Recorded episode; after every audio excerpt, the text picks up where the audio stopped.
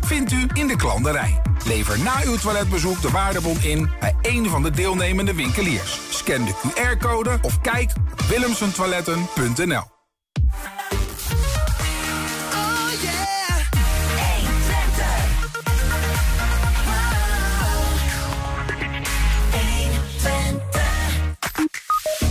Stakingen in het streekvervoer vandaag. Een Enschedeze buschauffeur vertelt waar dat eigenlijk om gaat. En het is de week van het Oorshuizen. Wat zegt u? Tinnitusweek, echt waar. Wat is dat? U hoort het zo. En vanochtend werden Turkije en Syrië getroffen door een zware aardbeving.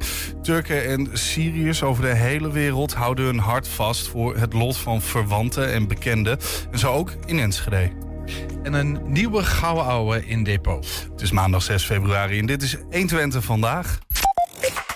120. 120 vandaag. Busje komt zo. Nou, niet echt. Vanochtend eh, kon je lang wachten en dat gaat nog wel even duren ook. Vandaag begon namelijk de staking van het streekvervoer. Buschauffeurs en treinmachinisten leggen tot en met vrijdag het werk neer. Dennis van der A is buschauffeur en staakt mee. Welkom Dennis. Goedemiddag. Ja, daar zit je dan in vol ornaat. Jazeker. Ja, Vo- Voordat we naar het serieuze werk gaan. Maar is het leuk vak, buschauffeur? absoluut. Ja? Ja, zeker. Ja. Maar toch Ja. staken deze Toch week. staken, ja. Ja, waarom? Waarom? Ja, dat heeft eh, verschillende oorzaken. Ehm, allereerst, eh, we hebben te maken met dure tij- tijden, een hoge inflatie, maar ook met een hele hoge werkdruk. Dus daarom eh, leggen wij vijf dagen ons werk neer. Ja, want dat is niet voor het eerst. Hè. We hebben misschien zo meteen het wel even over hebben. Maar ehm, er is dus een conflict kennelijk tussen de mensen op het veld, de buschauffeurs, treinmachinisten, zeg maar de werknemers. Nemers de tegen de werknemers werkgevers. tegen de werkgevers. Ja, en de werknemers worden dan vertegenwoordigd door de vakbonden. Ja, en jij bent lid van de vakbond? Ik ben lid van de vakbond, ja, van de FNV. Hey, wat, wat, wat, zijn de grote verschillen tussen die werknemers en die werkgevers? Ja, wat zijn de grote verschillen? Allereerst het eh, loonbod. Daar zit een verschil in, maar ook eh, de werkdruk. Ja. De werkdruk verlagende maatregelen, die vinden de vakbonden veel te weinig. En wij natuurlijk ook, absoluut. Maar ik kan me voorstellen dat werkdruk ook met personeel te maken heeft. En zeker. Wij, personeel. ja, En- wij kampen met een gigantisch personeelstekort. Ja. Met een zeer hoge ziekteverzuim. In Twente alleen al 17 procent. Ik Ja. ken geen ene sector waar dat zo hoog is. hoe komt dat?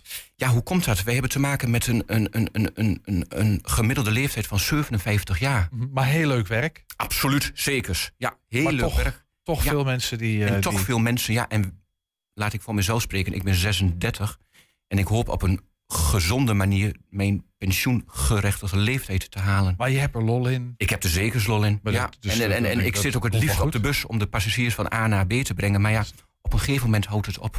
Nou was het zo dat dat, eh, de, dat, dat loongeschil... Want ik, ik, ik, ik weet, je vraag een beetje door. Omdat Ja, nee, zeker. Mag, dat, ja, tuurlijk. nou ja, dat, dat loon ook wel te Ja. maken heeft met de aantrekkelijkheid van, Ja, eh, van het werk. En, eh, en dus het aantal chauffeurs dat hè, mensen dat zeggen... ik wil buschauffeur worden of treinmachinist. En er zijn er kennelijk te weinig van, dus er moet gewoon meer betaald worden. Dat is ongeveer wat jullie zeggen. Ja, ongeveer wel. Ja. Ja. Wij hebben sinds 2018 eh, als chauffeur zijnde de haast niets bijgekregen. Het is niet de enige sector waar dat gebeurd is natuurlijk. Eh, Nee, zeker niet. Zekers niet. Maar ja, op een gegeven moment bij ons moet ook de kachel thuis ja, blijven nee, branden. Helder. Dat En is als ik om ons heen kijk, de ene CAO gaat met 10% omhoog, die met 12% omhoog. Ik las de een, de beveiliging die gaat volgens mij met 20% omhoog. Dan denk ik van, ja, is 10% dan echt te veel? Nou ja, kennelijk eh, ligt daar een, een, dingetje. Want dat loonbod dat was 5% hè, met... eh, en, en inmiddels is dat bijgesteld na de vorige staking. eh, er komt 8% bij dit jaar en 3% volgend jaar. Dat is wat de werkgevers te bieden hebben. Ja. En jullie zeggen dat moet minstens naar 10. Ja, dat moet zeker minstens naar 10. Dit jaar 10 en 4% Dit jaar 10 volgend en jaar. 4% volgend jaar. Ja. Ja.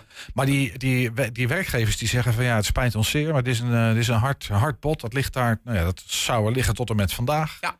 En jullie hebben gezegd, eh het De zal allemaal waar heeft zijn. gezegd van, eh, als jullie gaan staken, dan gaat het bord van tafel en dan gaan wij niet terug naar de onderhandelingstafel. Ja. Ja, en wij zeggen, wij gaan vijf dagen staken. Ja, helder. En dat Ja. wordt ook gewoon vijf dagen. Het was eh, vijf dagen in eerste instantie. Ja, dat, ja, dat zeg jij er al even voorzichtig bij. Ja. Ik hoor het je zeggen. hey, ehm, wat merk je, even, loon merk je natuurlijk thuis gewoon in je portemonnee en in je nou ja, uitgaven, hè, Ja. wat, je, wat je wel en wat je niet kan uitgeven. Wat merk jij verder van het ziekteverzuim? Gewoon, gewoon jij zelf, eh, Dennis. Wat merk ik van de ziekteverzuim? en, van, van de hoge werkdruk. en van de hoge werkdruk? Nou, eh, wat ik zelf merk van het ziekteverzuim. Wij worden regelmatig en dan vooral tijdens de zomermaanden opgebeld om een extra dienst te draaien. Ehm, nou ja, natuurlijk doen, doen de meesten dat ook, want ja, je wilt de passagiers niet laten die, wachten. Die moeten van A naar B. Die moeten van, Ja. van A naar B. Ehm, maar goed, eh, wat wij nog meer merken van het eh, ziekteverzuim is ook eh, dat de werkdruk daardoor omhoog gaat. Het werk bleef hetzelfde, Mhm. maar het groepje wat het moet doen, was kleiner. Ja, dus dat betekent dat dus jij daar meer, meer werkt. druk op ons te liggen, waardoor het ziekteverzuim nog meer omhoog gaat. Ja. Nee, dat, dat is een soort visueuze cirkel. Ja. Daar kan ik me iets bij voorstellen. En aan het aannamebeleid, want ze zeggen ook wel van ja, dan moet je nieuwe chauffeurs aannemen. Ja, dat gebeurt ook haast niet. Nee.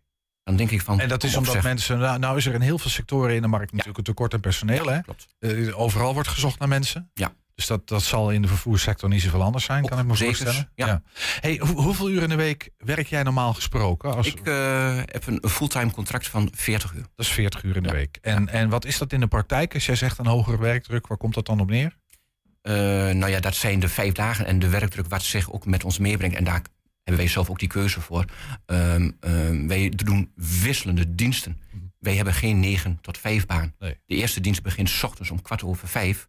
En de laatste avonddienst die eindigt om half één, kwart voor één. En dan ben je ook om kwart over één in huis. Dus je draait meer wisselende diensten. Meer wisselende diensten. Maar ook de, al was. ook de dienstregeling wordt steeds krapper op elkaar. Ja. Het moet steeds sneller van A naar B. Ja, om, om, om een klein beetje tijd te winnen. Om, om een te klein beetje tijd te winnen. Ja, gaan. om de, om de ritten wat sneller te gaan. Er zijn soms is eh, dat de pauze er tussendoor schiet. Ja, op een gegeven moment dan moet je ook echt zeggen van jongens, het is nu genoeg geweest. Dennis, eh, ken jij collega's die zeggen van... joh, het, het, het, ik, ik, ik zit nog achter dat stuur... maar eigenlijk ehm, zou ik thuis in bed moeten liggen... of zou ik me af moeten melden? Of zie ik, hoe, hoe wordt daar bij jullie aan de koffietafel? Hoe wordt daarover gesproken? Nou, wij als collega's zijn, die zijn wel echt van, eh, wij blijven pas thuis als het echt niet meer kan hoor. nee, maar dat, dat begrijp ik. Absoluut, Maar ik, ik probeer een plaatje te Ja, maken. nee, jij zegt hoge werkdruk, Ja. veel ziekteverzuim. Veel ziekteverzuim. Hoe ziet het er bij jullie aan de koffietafel uit dan? Onderling heel leuk. Heel gezellig. Absoluut. Dat is, wij hebben echt een hele leuke groep chauffeurs. Ja. Dat staat echt als, eh, eh, ja, wat zeggen ze, als een, als een, als een paal, Paal boven water. eh, de- Ja, zeker. ja. Zeker, absoluut. Ja, en, en wordt er echt gezegd van... Ja, nou, de, de wordt wel eens gezegd van... Poeh, hè, hè, ik heb er nog vier dagen op zitten. Morgen is de laatste dag. Dan ben ik ook wel even weer toe aan twee, drie dagen even vrij. Ja. Even geen bus. Is het vooral die, ehm, nou ja, de hoeveelheid diensten die je moet draaien en die wisselingen daarin en eh, pauzes overslaan? Of zit die werkdruk er voor een deel? Is, is, is het publiek ook veranderd in de afgelopen paar jaar? Waardoor je misschien Je bedoelt het publiek, de passagiers. de passagiers, wat, wat lastiger passagiers, meer zwartrijders, mensen die je op on- ongewenst gedrag moet aanspreken, Ja, weet ik als ik veel. echt voor mijzelf spreek, valt dat nog wel mee hoor. Wij zijn eigenlijk nog wel aardig lief. Wij zijn hier in het oosten nog wel aardig. Hoe het in het westen is, geen idee. Maar hier in het oosten valt het echt nog wel qua passagiers echt nog wel mee. Dus het zit hem echt in de uren, en in de uren en in de, tijden. de Ja, en de flexibilisering. Ja. Absoluut.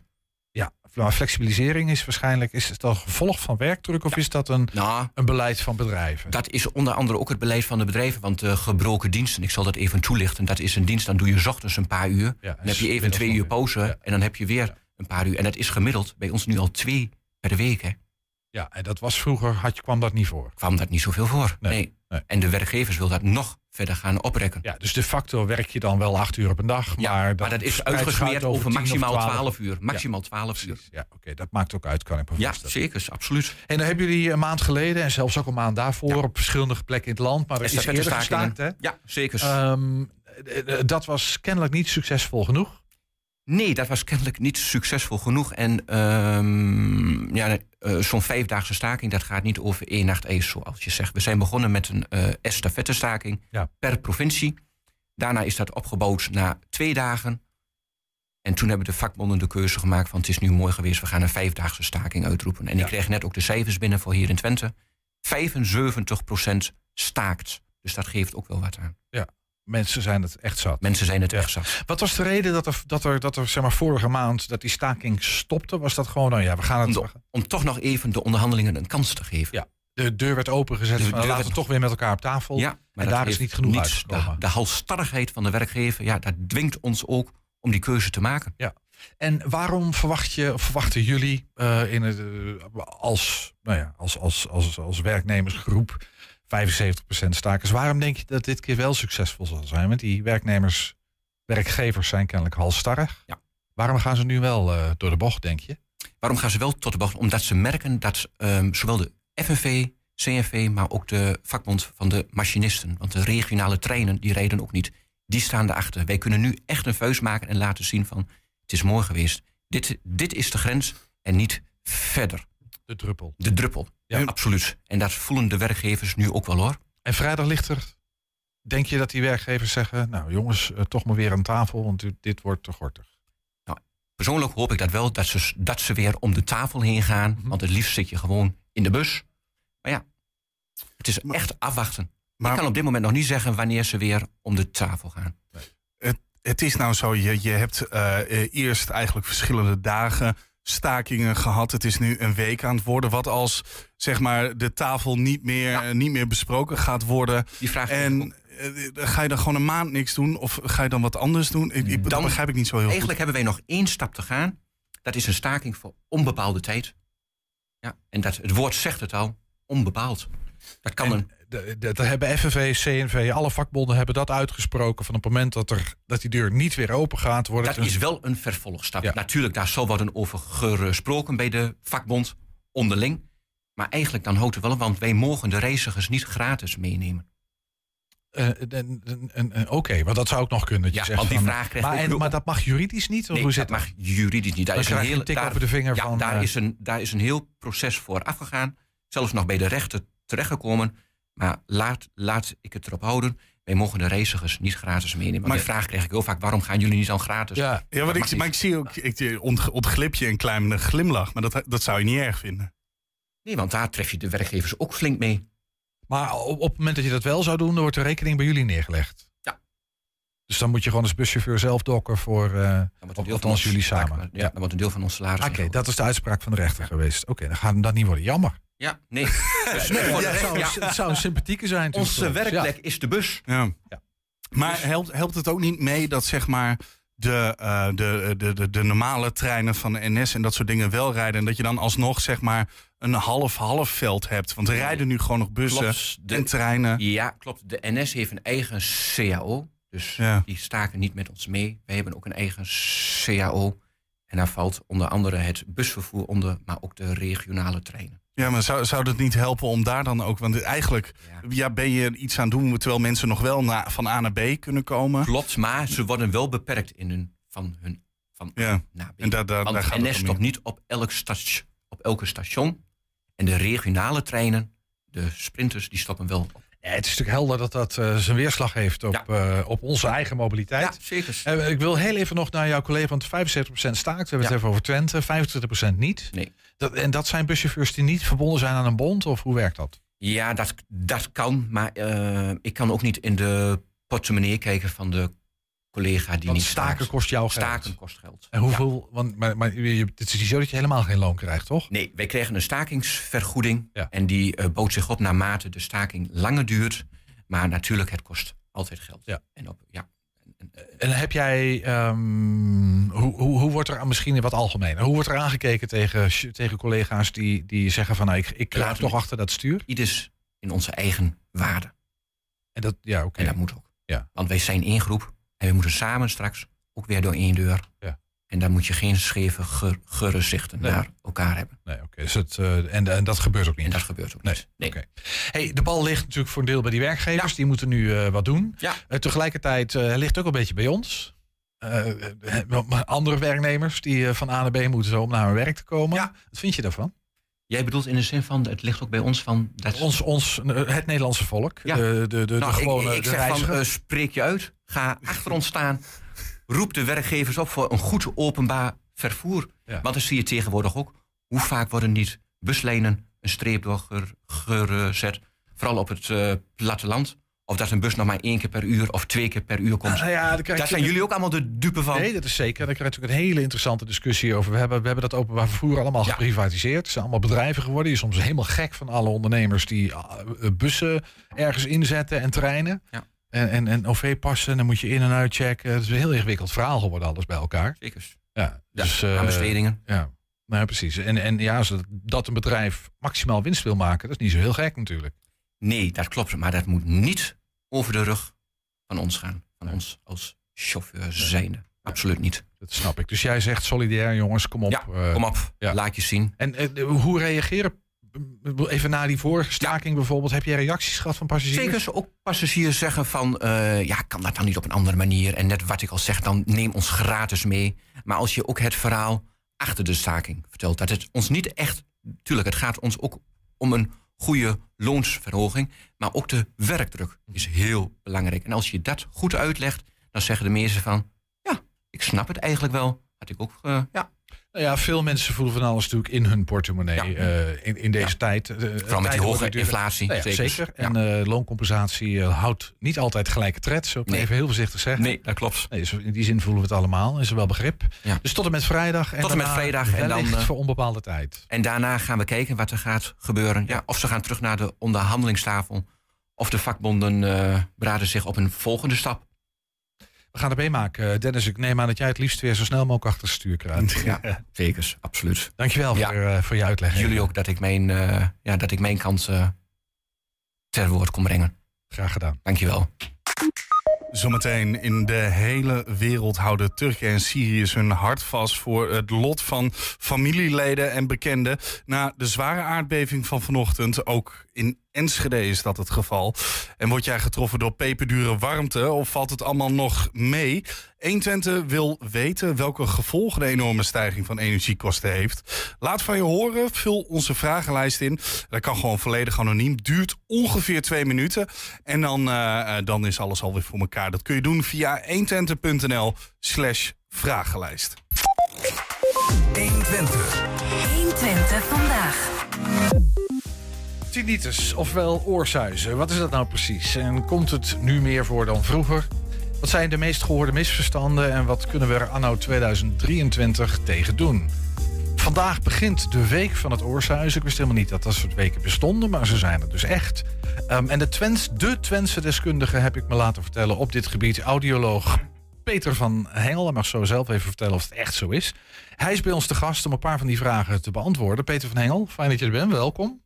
Goedemiddag. Klopt dat, de specialist in Twente op dit gebied? Of, we Nou, binnen de- Twente lopen er niet zoveel audiologen rond, dus dan ben je al snel ergens de specialist in. Dus eh, ja, ik denk dat het inderdaad wel klopt dat ik binnen Twente de specialist qua audiologie op dit gebied ben. Ja. Ja, en dat is gewoon een medische tak van sport, toch? Het is paramedisch, dus we zijn, Oh, zijn zorg gefinancierd, zoals dat dan zo mooi heet. Maar we zitten niet binnen een ziekenhuis of een ziekenhuisinstelling. Wat voor opleiding heb jij gehad dan? Hoe, hoe, eh, gewoon even om te weten waar jij zit. Wat voor. Normaal gesproken heeft een audioloog een opleiding natuurkunde gehad, een universitaire opleiding natuurkunde, en vervolgens nog vier jaar een opleiding tot klinisch fysicus. Nu heb ik een wat ander pad gevolgd. Ik ben van oorsprong wiskundige, maar bij hoge uitzondering mag ik mij ook klinisch fysicus audioloog noemen. Ja, ik, het- ik, ik ben nu heel erg eh, in de verleiding om eh, jou of dat normaal is voor jou om een wat ander pad te volgen. Ik zou het maar zo kunnen, maar dat gaan we niet doen. Ehm, maar het- natuurkunde en, en, en oren. Ja, natuurkunde, omdat het heel veel met geluid te maken heeft, met geluidsbewerking in hoortoestellen, maar ook geluidservaring, de biofysica van eh, hoe geluid verwerkt wordt.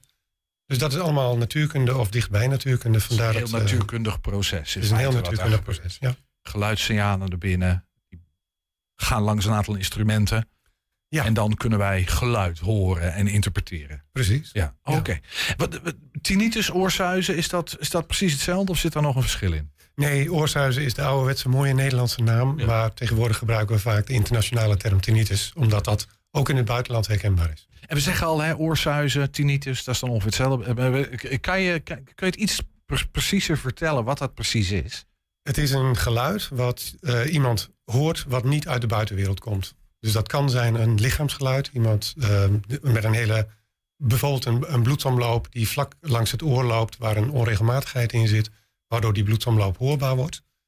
De meeste gevallen zijn een zogenaamde subjectieve tinnitus. Dus het is een waarneming van geluid, maar eigenlijk is er helemaal niks wat in het oor gebeurt. Het is puur een zenuwsignaal wat uh, in de hersenen doorkomt alsof het geluid is. Maar het is geen geluid. Maar het is geen geluid, nee. En dat weten we 100% zeker.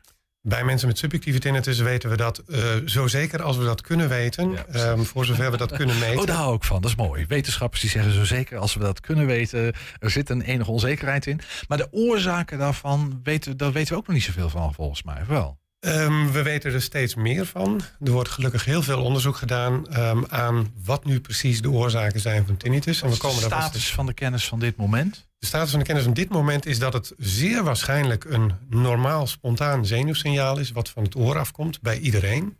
Um, wat mogelijk bij sommige mensen wat extra versterkt wordt als gevolg van een gehoorverlies. Maar wat eigenlijk tegengehouden zou moeten worden door de filters die wij onze, in onze hersenen hebben zitten, onze aandachtsfilters.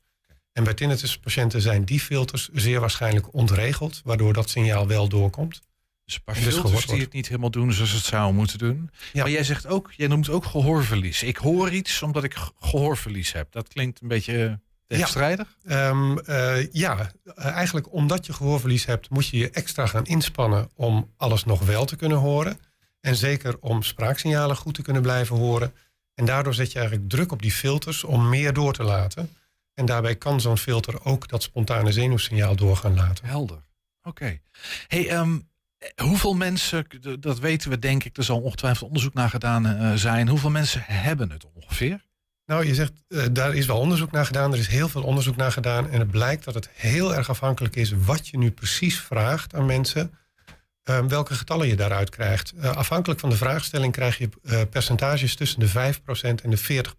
Zo, dat is een groot verschil. Ja, Tegenwoordig is het redelijk gestandaardiseerd en vragen we mensen of ze last hebben van een regelmatige piep of suis of een ander geluid waar ze echt hinder van hebben. En dan kom je op getallen zo rond de 15% van de Nederlanders die dat hebben. Jij noemt het woordje hinder. 15% onder van. Ik kan me ook voorstellen dat je het wel hoort, maar er niet zoveel hinder van hebt. Ja. Zitten die in die 15% of tellen we die wel of niet mee? Dat hangt er vanaf of ze zichzelf wel of niet meetellen. Als ze zelf vinden dat ze er hinder, nog steeds hinder van hebben, dan tellen we ze mee. Het is een hele subjectieve um, uh, vraag eigenlijk of je hinder hebt van je oorsuizen. Ja, en welke gevolgen? Dat kan best forse gevolgen hebben volgens mij. Hè? Die hinder kan heel groot zijn. Ja, die hinder kan helaas ook heel erg uit de hand lopen, waardoor mensen echt helemaal vast komen te zitten. Gelukkig zijn dat wel de uitzonderingen. Uh, de meeste mensen kunnen er goed mee omgaan. En van de mensen die er niet goed mee om kunnen gaan, kan een heel groot gedeelte er met hulp leren goed mee om te gaan. Maar er is een hele kleine groep die echt vast komt te zitten. En waarbij het uh, helaas tot hele ernstige gevolgen kan leiden. Mensen die echt niet meer kunnen werken, niet meer normaal kunnen functioneren. En uiteindelijk zelfs zover kunnen komen dat ze euthanasieverzoeken doen, Zo. omdat ze het niet meer zien zitten. Dat is wel heel heftig, ja. ja. Nou lijkt het me buitengewoon lastig. Jij bent audioloog. Ja. Dus ik probeer me voor te stellen, jij, jij doet iets met gehoorapparaatjes en je probeert gehoorproblemen met mensen op te lossen, heel technisch. Ja. Um, nou is het een iets dat niet, eigenlijk, je kan het niet meten. Nee. Dat is heel subjectief. Ja. Ik, ik heb last van tinnitus. Ik heb een beetje een piep in mijn oor. Ik begreep jij ook. Ja. Maar ik heb daar niet zo heel veel last van. Het zou wel prettig zijn als het er niet was.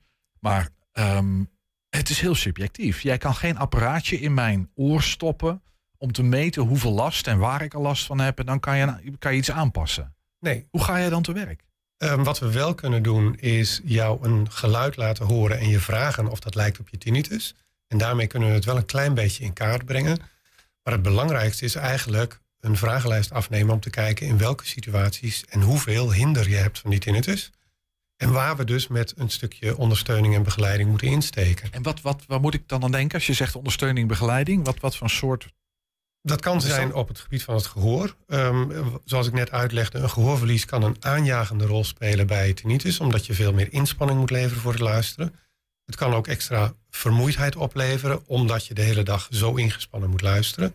Zeker in een communicatief beroep, een beroep waarin je veel met je gehoor doet. Ja, ik zie je een beetje marketing aan doen nu. Ik uh, kijk je niet bewust aan. Maar ja. ja, dat doe jij wel. Uh, maar dan kan dus een stukje gehoorondersteuning daarin ook wat verlichting geven. Waardoor je ook uh, wat meer tot rust komt, wat minder inspanning hoeft te leveren, de druk van die filters afgaat. En verder kan het zijn dat je door de extra inspanning erg vermoeid raakt. Dat het stoort op je slaap, waardoor je ook niet goed tot rust komt. Dan kunnen we daar een stukje ondersteuning in bieden. Ehm, we kunnen handvaten bieden om er op een goede manier mee om te gaan, er niet te veel aandacht aan te besteden. Uh, maar dat is bij iedereen eigenlijk een beetje verschillend waar met name de pijnpunten als het ware zitten en waar de ingangen zitten. En dat hoort allemaal bij jouw vakgebied als audioloog? Voor een groot deel hoort het bij mijn vakgebied, maar we hebben ook maatschappelijk werk in huis, audiologisch maatschappelijk werk, die een stuk van die begeleiding kunnen doen. Um, en als dat ook niet voldoende is, hebben we nog de mogelijkheid om een psycholoog in te schakelen die daarin gespecialiseerd is. Ja, dus wat aanverwante beroepen die je kan in, in, invliegen op het moment dat je denkt dat dat, uh, nodig is. Ja. Hey, ik, ik zei het net al, dat mag ik volgens mij gewoon zeggen, want ik uh, heb in de voorbereiding heb ik dat meegekregen. Je hebt er zelf ook last van? Nou, ik heb er geen last meer van. Ik geen heb wel. Ja, maar uh, ik heb sinds ongeveer een jaar zelf hoortoestellen. En daarmee is het bij mij een stuk hanteerbaarder geworden. En ik kan dus wel zeggen dat ik er geen last meer van heb. Nee, gaaf. Klinkt goed. Je hebt me bijna omgepraat. Vooralsnog, subjectief, we weten niet precies, niet helemaal precies wat de oorzaken zijn.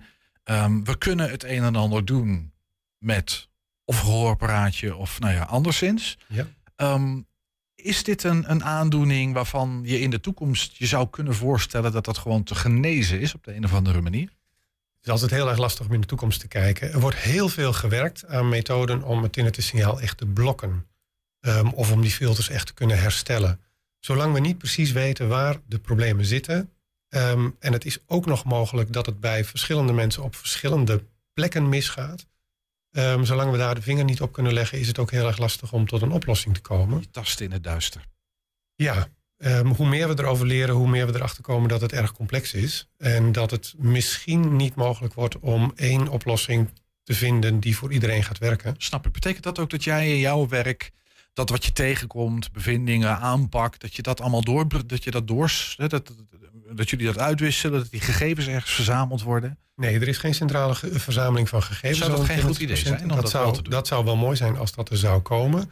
Er is wel heel veel uitwisseling tussen audiologen onderling en de onderzoeksgroepen in Nederland en ook in het buitenland die aan dit probleem werken. Ja, oké. Ehm, nou, deze week de week van het Oorsuizen. Uh, wanneer hoorde jij voor het eerst van die week? Um, een paar jaar geleden. waarschijnlijk jij al wat langer. Ja. Via mijn werk natuurlijk. Um, het is een week waarin we proberen meer uh, aandacht te krijgen bij niet-tinnitus patiënten. Voor het feit dat tinnitus heel erg hinderlijk kan zijn en een grote beperking kan opleveren. En waarin we de tinnitus patiënten hopen te vertellen dat er hoop is en dat er mogelijkheden zijn om hun problemen voor een groot deel te verlichten.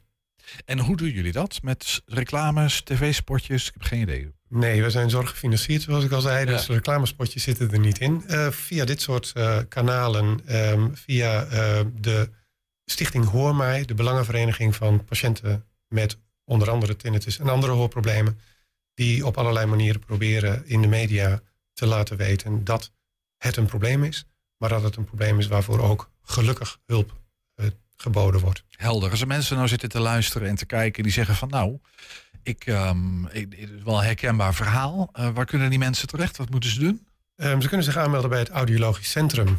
Um, en hier in Twente is dat het Audiologisch Centrum in Hengelo. en dan komen ze op de wachtlijst te staan, helaas. uh, maar dan gaan wij kijken of we ze zo snel mogelijk uh, kunnen bedienen. En ja. ze kunnen in ieder geval op de website van Pento en op de website van het Tinnitus Expertise Netwerk Twente kunnen ze al informatie vinden over welke hulp er nodig mogelijk is. Misschien dan toch even Pento, dat is het bedrijf waar jij voor werkt. Of Pento, is een organisatie, ja, Pento is een organisatie van samenwerkende audiologische centra in Noord-Nederland, ja. waarvan het centrum in Hengelo er één is. En het Tinnitus Expertise Netwerk Twente is een aantal jaren geleden opgericht, hier regionaal, om uh, met name de verschillende partijen die met tinnituspatiënten werken samen te brengen. Ja, dus het audiologisch centrum in Hengelo, voor de Twentenaren. Ja. Hoormij.nl hoor ik je zeggen. Ja. Een plek waar je informatie kan halen en Zeker. vast ook uh, hulplijntjes ja. kan vinden. Ja. Peter van Hengel was dat, de specialist op het gebied van tinnitus. Heb ik die, dat mag ik zeggen inmiddels. Bedankt voor je uitleg. Graag gedaan. Ja, we zijn ook als podcast te luisteren via alle bekende platforms. Je vindt daar hele uitzendingen. En elke dag één, uh, één item uitgelicht op 120 vandaag uitgelicht. 120. 120 vandaag. Iedere maandag duik eh, jij het depot van een museumfabriek in Ernst. En de afgelopen weken eh, herhaalden we al wat oude afleveringen. Zo ook vandaag, want je hebt inmiddels al heel wat voorwerpen in je handen gehad. En volgens mij zelfs één op je hoofd. Op het aloude plekje. Ja. In het depot waar het allemaal ooit begon. Ja. En ik herinner me, want ik weet waar we het over gaan hebben... dit is het allereerste object volgens mij dat jij me ooit liet zien. En eh, volgens mij was dit ongeveer aan. Ik denk, ja, maar dit zijn mooie verhalen. Het is wel een, een bijzonder object, denk ik. Ja, ja. Nou, zullen we... Zullen we? Tada! La la la. Kijk. Ik laat het aan jou. Een? Nou, zeg het eens. Ja, het is, het, het, het, je zou zeggen, het is een soort... Ja, maar, ik weet wat het is, maar dat is niet eerlijk. Maar als je het zo ziet, denk je, ja, het is een soort misschien een plantenbak of zo. Hè? Een soort bloemes, ja. Ja, het is om bloemen in te doen of zo. Nou, het is een pispot. Ik, ik vind het een... Pispot, uh, uh, netter gezegd een, een kamerpot. Ook wel bol genoemd of nachtspiegel. een, nacht, dat, een nachtspiegel. ja. Het is wel een van de meest fraai gedecoreerde nachtspiegels die ik in mijn leven ooit heb gezien. Ja, ja, ja. maar het is dus um, de, de, de pispot van koning Lodewijk Napoleon. Kijk. Toen hij hier in Drenthe op bezoek was. Lada. Ja. Dat is toch prachtig? Ja. ja. Koning Lodewijk ja. Napoleon. Ja. Dus um, ja, wat je moet je voorstellen, uh, uh, er was geen, uh, je had geen toiletten zoals je nu had. Hè, dus het toilet was meestal buiten, een schuurtje. Ja, die, die hokjes. van die hokjes. Met zo'n hartje in Precies, de deur. en ja. ook, ook al bij je koning, je, je zal er toch die kant op moeten. En s s'nachts had je dus, om er niet uit te hoeven, had iedereen had dus op zijn kamer een pispot Een waar, je, waar je behoefte in kon doen. Ja. Nou, en deze die is uh, hoogstwaarschijnlijk afkomstig van uh, uh, de villa van Blijdenstein... waar Lodewijk Napoleon gelogeerd heeft toen hij in Enschede was. Want Lodewijk Napoleon is in Enschede geweest? Ja. Lodewijk Napoleon tijdens zijn bezoek had dit onder zijn bed staan? Ja. ja. Geweldig. Ja. Lodewijk Napoleon doet een soort tour door Nederland. Nou, meer door, door afgelegen regio's. Oké. Okay. Uh, uh, hij, hij, wilde echt een, uh, een, een soort vader voor het volk zijn. Mm -hmm. dus een, hij ging ook als er een ramp was, ging hij daar kijken en troosten. En, ehm, en hij wilde ook weten wat er speelde in de regio. En hij wilde daar, daar ook een rol in hebben. Dus hij is naar, naar Zeeland geweest, naar, naar, Brabant, naar Friesland en, naar, hier ook naar Overijssel. Dus hij heeft een tour van van, van, van 10, echt tussen 10 en 20 dagen door Overijssel gemaakt. Allerlei plaatsjes bezocht en allerlei um, ja, gezeur aangehoord. Ja, want er is iemand die... Uh, Lodewijk Napoleon heeft een dagboek bijgehouden... Ja? van, van die, die van reis die, hier door ja? Overijssel. En er is dus, dus iemand die is naar... Uh, dat, dat ligt in Parijs. Iemand is dat gaan bekijken en die heeft dat allemaal uitgeschreven. Wat hij zo al gedaan heeft en wat hij... Uh, Oké, okay, dus we, weten wat, wat, we weten wat hij hier gedaan heeft. Ja, ja dat weten, weten we vrij... En er staat ook iets in over Enschede, Hengelo, ja, ja. onze... Ja. In Haaksbergen uh, hadden de protestanten hadden de grote kerk. en, uh, hadden ze ingepikt? Ja, hadden ze ingepikt. Ja. Nou, en en nou, hij hoorde beide verhalen aan. En hij zei dus van, nou, die kerk die moet terug naar de katholieken. Maar de inventaris van die kerk, die mogen de protestanten meenemen. En die mogen dit en dat gebouw, mogen ze in vervolg gebruiken voor hun eredienst. En daar legden mensen zich dan ook bij neer? Dat was ja, de, de ja. koning had gesproken? Ja, nou ja, wat daar moet daar u het tegen inbrengen dan natuurlijk. Ja, ja. Hoger beroep is denk ik niet mogelijk. Geweldig. Dus, hij, dus het waren een soort rechtszittingen, zou ik maar even zeggen? Ja. Ja, er stond in, het, in de, in de uh, collectiedatabase dat, dat die nog schoongemaakt moest worden. Maar ja, ik vraag me, misschien moet je die vlekken daar wel zo laten. Ja, dat, je je, dat moet je juist niet doen. Lodewijk Napoleon. Ja, en zijn bezoek aan, aan uh, Twente met veel uh, gezeur. En wat wij eraan over hebben gehouden, behalve prachtige verhalen van een aantal, is uh, de ja, pispot, pispot. Van, van zijn majesteit. Ja. ja, dat is de eerste pispot van een koning die ik ooit in mijn handen heb gehad. Ja, misschien ook wel de laatste. Ja. dat zou maar zo kunnen. Ja. Dus niet alleen in je handen gehad, maar ook op je hoofd gezet, Ernst. Ja, ik doe soms uh, wat uh, onbesuisde dingen. en zoals wat? Heb je nog een voorbeeldje? Nou ja, de, dit, je moet je voorstellen, dit zijn museumstukken. Ja. Um, en daar hoor je eigenlijk natuurlijk toch een soort van eerbiedig mee om te gaan. En dat lukte mij zeker in het begin niet altijd. Ik weet niet, vorige week hadden wij een video, ook een oude video. Ja, dat was over de, herinneren. over de, de storm. eh, wat was het? De, de, de vogels en de, de, de... Het was een donderglas. Donderglas, En dat het waren Turkse tortels. In een, althans, het was een, een kooitje voor, voor, voor Ja. Turkse tortels. Tortelduifjes. Ja, de tortel die erin zat, die leefde niet meer. Ehm, en ik, ik had zowel die, die, die kooi, zeg maar, hè, waar die Turkse tortels in zitten. Die, ik denk, ik zal Edwin even helpen met opruimen. Dus ik pak die kooi vast aan de bovenkant. En ik trek eigenlijk die bovenkant een beetje zo bijna van, die, van het onderplankje af. Ehm, en, de- de- en, en even later had ik dat donderglas. Dat is een glas uit de 17e eeuw, moet je je voorstellen. Echt heel oud. En dat hield ik vast zo aan dat oogje. Dus en je had zag- iemand met zulke ogen naar Ja, jou ik zag kijken. het een beetje verschrikt kijken. En nou ja, bij deze pispot was dat eigenlijk een beetje hetzelfde idee. En toen hadden wij het er eens over. En toen dacht ik, van, ik moet toch maar eens een cursus gaan doen... van hoe je nou eh, om moet gaan met museale voorwerpen. Want dat had ik helemaal niet gehad. Dus ik duik gewoon ja, zo'n zo'n zo'n uitzending in... het maken van zo'n item. En dan eh, met mijn goede bedoelingen denk van... nou, daar gaan we iets leuks van maken. Maar dit waren wel een paar voorbeelden... ehm, nou ja, van Maar- manieren waarop het niet moet. Zeg Maar inmiddels heb je de cursus gehaald en Ja. mag je dus alle voorwerpen in een museum aanraken. Nou, Edwin was daar altijd wel relaxed over. Maar ehm, eh, ja, je, wil, je wil het zelf ook niet. Weet je, je, wil, je moet je niet voorstellen dat je zo'n donderglas laat vallen. Voordat we naar het volgende uitgaan, waar ben ik nog naar één ding benieuwd. We hebben nu ongeveer zo'n 100 afleveringen, als ik dat zo goed zeg. Hij zit er nog niet helemaal aan. Bijna, wel, eh, bijna we zitten dus. ergens tussen de, in, in de, rond de 95, geloof ik. Weet, Hoeveel, ik hoeveel voorliggen- li- voorwerpen liggen daar wel niet? Oh, Hoe lang eh, kunnen we nog vooruit? Er liggen 300.000 voorwerpen. Maar Oh, dan kunnen we is- dit nog Ja, tot in de kunnen dit heel lang volhouden. Moeten we wel even bij zeggen dat eh, de, dan, er zijn ook heel veel torretjes en heel veel vlinders bijvoorbeeld. Nou ja, je, je gaat niet over elke vlinder afzonderlijk een item maken natuurlijk. Maar er liggen heel veel voorwerpen. Het is echt een schatkamer. Mooi. Heb jij een tip voor de redactie? Mail dat dan eventjes naar info.120.nl 120. 120 vandaag. Ja, een echt totaal ander onderwerp. Er zijn inmiddels ehm, ruim 2000 doden geteld. En dat aantal loopt eigenlijk met het uur op. Eh, de zware aardbeving in Turkije en Syrië, zo op de grens van die twee landen, eist echt een enorme tol. Ehm Enschedeer eh, Jihad Chachiki, of nee, dat zeg ik verkeerd. Ehm, ik ga het, Chakici. ja, precies. eh, Jihad Chakici. Ehm, die groeide op in de stad Eskenderun, waar het eigenlijk het epicentrum, vlakbij het epicentrum eh, van die aardbeving. En een groot deel van zijn familie woont daar nog altijd. En ook bij hen is de schade van deze beving ja, niet te overzien. We kijken heel even naar een videootje dat vanochtend eh, naar Jihad gestuurd is. Ilk ışıkları.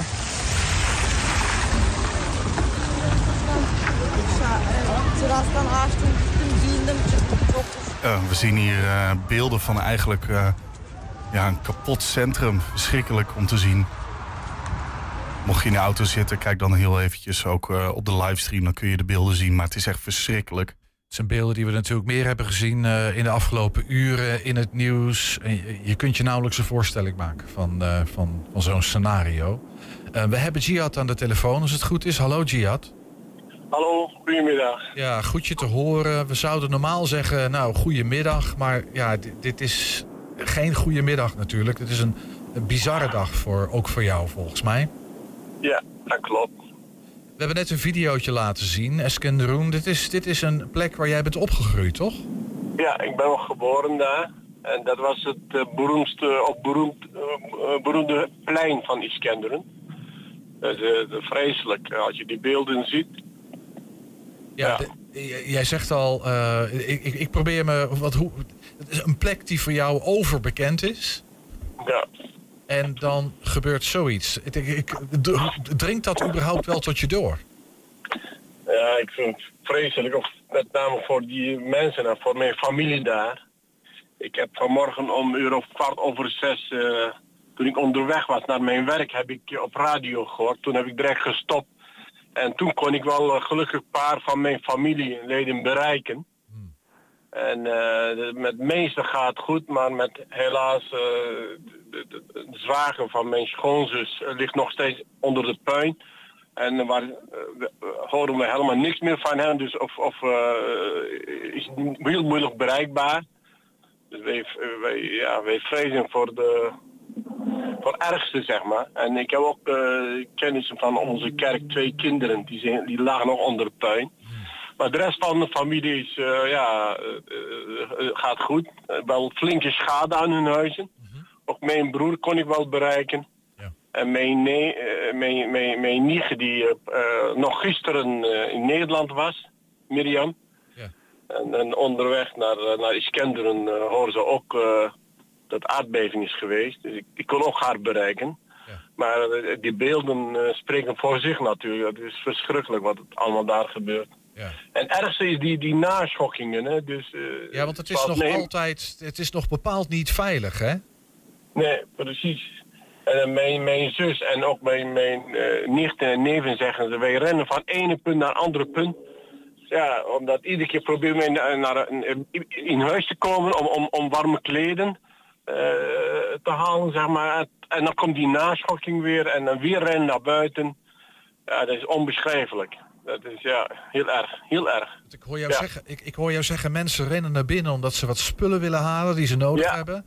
En, Omdat het heel koud is en er regen daar en op sommige plekken. Hoe koud is het? Eh, weet je Ja, kijk, kijk voor, voor, voor Nederland natuurlijk niet zo koud, maar voor hun is het ongeveer 5, 6 graden. Maar met name die Antiochie, dat is ons, onze centrum van onze stad, eh, die oude Antiochie, nou heet Hatay. En daar heb je zelfs sneeuw, dus daar eh, eh, ongeveer 0 graden. En Is- Iskenderen, waar ik eh, vandaan kom, ook regen, wind. Ja, en dan... en die mensen moeten dus echt allemaal buiten eh, nog blijven en geen stroom. Dus met de moeite en ellende eh, kon ik wel eh, later een paar kennissen spreken. Het is echt onbeschrijfelijk. En, ik vind, ja, dat is mijn geboortestad natuurlijk. Dat, dat zegt me heel veel. Ja, dat, ja. Ik, ik denk dat we, wij, we kunnen ons er nauwelijks wat bij voorstellen als iets dergelijks gebeurt. hè, Op de plek waar jij bent groot, ge- grootgebracht en, en nou ja, waar je elk, elk, hoek, elk hoekje en elk steegje kent. Hey, maar je, zegt, je zegt het gaat goed met ze, dan bedoel jij eigenlijk te zeggen... de meeste, voor zover behalve dan deze ene man, hè, de zwager van jouw schoonzus geloof ik, zeg je. Ja, Dat is onbekend, maar de, de rest is in ieder geval nog in leven. Ja, een van die twee kinderen die van, die van onze kerk, zeg maar kerkelijke gemeenschap, is helaas eh, ook eh, kunnen ze niet bereiken, maar eh, ik denk dat het overleden is. Een, een, een meisje die Elisa heet. En, en, en die twee kinderen hadden ze al een paar maanden geleden hun moeder verloren door ziekte van kanker. En nou ja, dat is zo'n vreselijke verhaal hoor je. En, en ik hoor natuurlijk ook van mijn broer dat, dat eh, zij een huis eh, flink beschadigd. En dan, eh, ja, die, dus, en dat, en het houdt niet op. En dat is het allerergste. Die, die mensen zijn helemaal gestrest. Ja. Het is, Klinkt ook alsof jij, en ik kan me dat ook, ik kan me daar alles bij voorstellen, dat je de hele dag contact houdt met je vrienden en met je bekenden en met je familieleden in die omgeving. Zeker. Ja, en niet makkelijk hoor, omdat die stroom is natuurlijk eh, uitgevallen en, en internet eh, werkt niet helemaal eh, goed. Ja, dat is, dit is, ja, dit is bijna elf plekken, zeg maar, die grote st- steden is aangeraakt. Niet alleen Iskenderen, Hatay, Antiochie, maar ook tot aan, aan, aan, aan, aan toeristische plek Mersin. In de buurt van Alanya, daar hebben ze zelf gevoeld.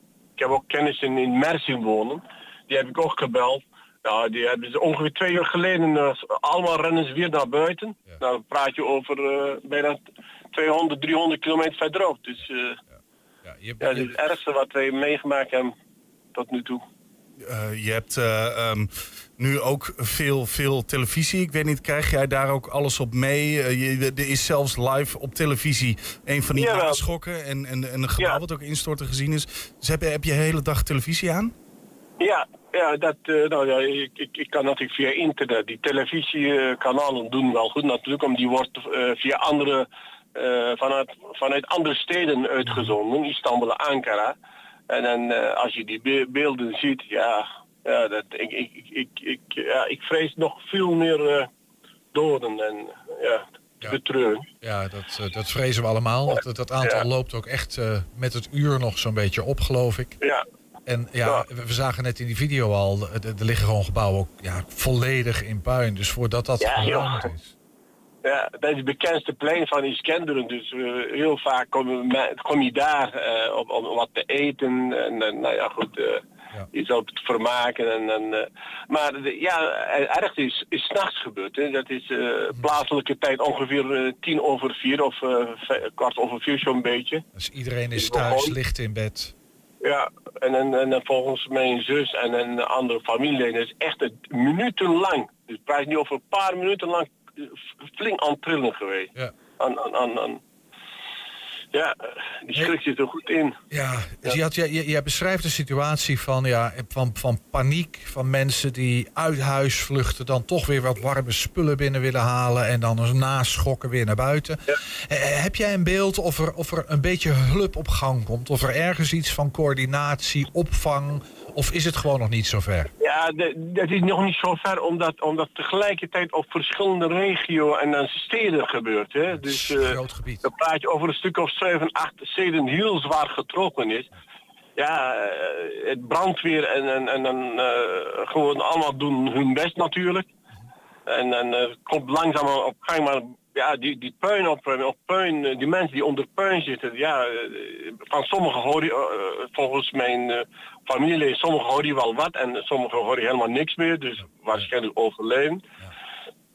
Ja, Ja, en ik, dat heeft ook prioriteit natuurlijk. De, de overlevenden zien te redden. Maar wat betekent dat voor, voor jouw familieleden en voor de, voor de bekenden die jij, de vrienden die je daar hebt, eh, voor bijvoorbeeld de rest van de dag en van nacht? Zijn die op zoek naar een plekje toch? Of is er bijna. Hoe, hoe gaan dus die nou? Pro- proberen die in auto te slapen. En sommigen eh, gingen naar, naar eh, ja, die, die gebouwen, die, die lijkt, sommigen blijft goed overeind. Dus met name die, die, de oude, oude, oude gebouwen. En, en, Nou, de oude gebouwen blijven goed overeind. Dat is wat ik jou hoor. Nee, nee, nee, nee, Oh, nee. nee, andersom. Juist oude gebouwen storten in elkaar en nieuw gebouw blijft goed overeind. Mhm. En zelfs die, die ziekenhuis in Iskenderen is volledig echt in elkaar gestort. Het oudste ziekenhuis. Dus we hebben daar een stuk of drie, vier ziekenhuizen. Die oudste is volledig helemaal... Dat en, en, en niemand weet het, hoeveel mensen onder zit. En dan, dat is echt vreselijk, joh. Dus, dus ik denk dat je eh, in ziekenhuis bent en eh, dat je ja, daar veilig voor en gebeurt dat. Dus één ziekenhuis, de oudste ziekenhuis in Skenderen is, is, is helemaal eh, in elkaar. Er is niets van over. Totaal, ja, helemaal Ja. ingestort. Het, het, Precies. Het, het, beeld ja, het, betekent dat, dat de onzekerheid en het, en het zoeken naar oplossingen en Ja. onderdak en warmte. eh, dit blijft nog een tijdje ehm, ja, gewoon echt een, een, een crisisgebied natuurlijk. Ehm, eh, is er iets dat jij kan doen, behalve bellen en, en contact zoeken? Jij, jij moet je ook heel erg machteloos voelen.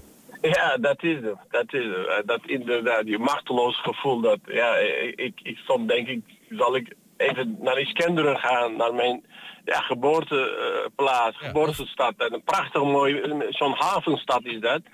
Ook mijn, mijn familie eh, kunnen helpen.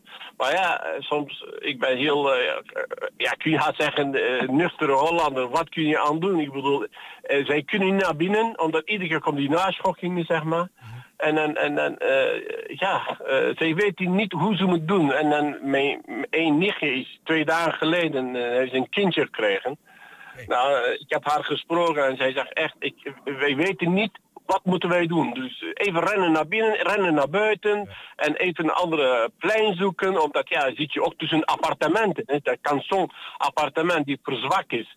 Dat kan zo in elkaar storten natuurlijk. Dus, eh, en, dan, en, en houdt niet op. En dan nogmaals, ik heb een paar uur geleden gesproken en net heb ik ook een appje gekregen. Die, die na-trillingen, naschokkingen, dat, dat gaat gewoon door. En, En, en buitengewoon onzeker. Dat lijkt me de- verschrikkelijk dat je gewoon niet weet wanneer het ophoudt. En wanneer, je- wanneer je een soort van veilig bent. Maar ik hoor jou eh, eh, net een baby gekregen. Ja, mijn, mijn nicht heeft inderdaad baby gekregen twee dagen geleden. En nu ziet ze gewoon met baby buiten. Ja. En dan ja, dus, eh, dat heeft ze al een paar keer naar binnen gegaan, zegt ze. En toevallig, dus om, om, om spullen voor baby te halen. En dan begon het weer te trillen. Nou, zij woont op de derde verdieping. En dan kun je je voorstellen, zo'n vrouw met zo'n kleine babytje. Ja, dat, dat, ja, daar wil je niet aan denken. Zo'n zo'n trap op trap af. Ja. Maar ja, En eh, ben jij vooral met familie daar bezig? Of, of gebeurt er in Nederland onder de Turkse gemeenschap, misschien de Syrisch-Orthodoxe gemeenschap, geen idee? Eh, Hoor jij geluiden dat, dat, dat krachten zich daar verenigen om, om iets te gaan doen? Zeker. Ja. Zeker, zeker. Oké, wat, wat Zeker. hoor je? Ik, ik, hoor- net op, op Radio 1 en dan, eh, dat, dat, nou, dat eh, willen ze iets starten om, om hulp eh, organiseren. En, dan, eh, en de Nederland, de Turkse overheid, of Turkse regering heeft ook aangevraagd van buitenlandse hulp. Heel graag. Dus en dan eh, langzaamaan beginnen wel in, aan de gang komen, hoor ik. Dan uit Zweden, uit Rusland, uit ook Nederland gaat daar een delegatie, geloof ik, of een hulpdiensten. Ja, leuk. Het Rode Giro- Kruis. eh, het, het Giro eh, 7244 is inmiddels geopend. En mocht je dit ook luisteren en, en, eh, en je steun willen betuigen, dan kun je daar altijd even naartoe om, eh, om daar eh, ook hulp aan te bieden. Ja. Jihad, jij, jij woont in Enschede Ja.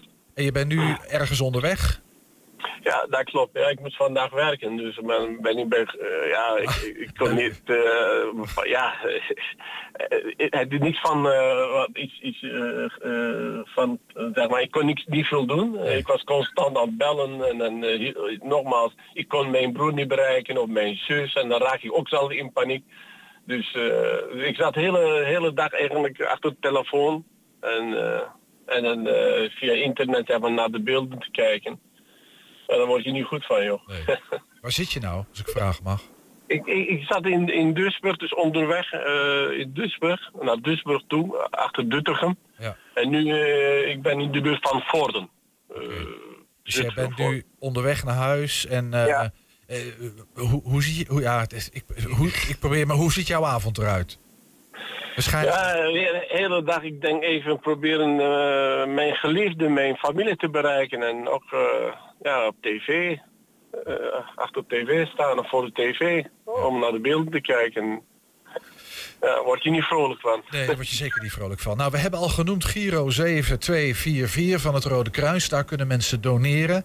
Ehm Jihad, mochten er nou in de komende dagen... Ik, ik kan me voorstellen dat, dat er hulpacties, inzamelingsactie... Ik heb geen flauw idee.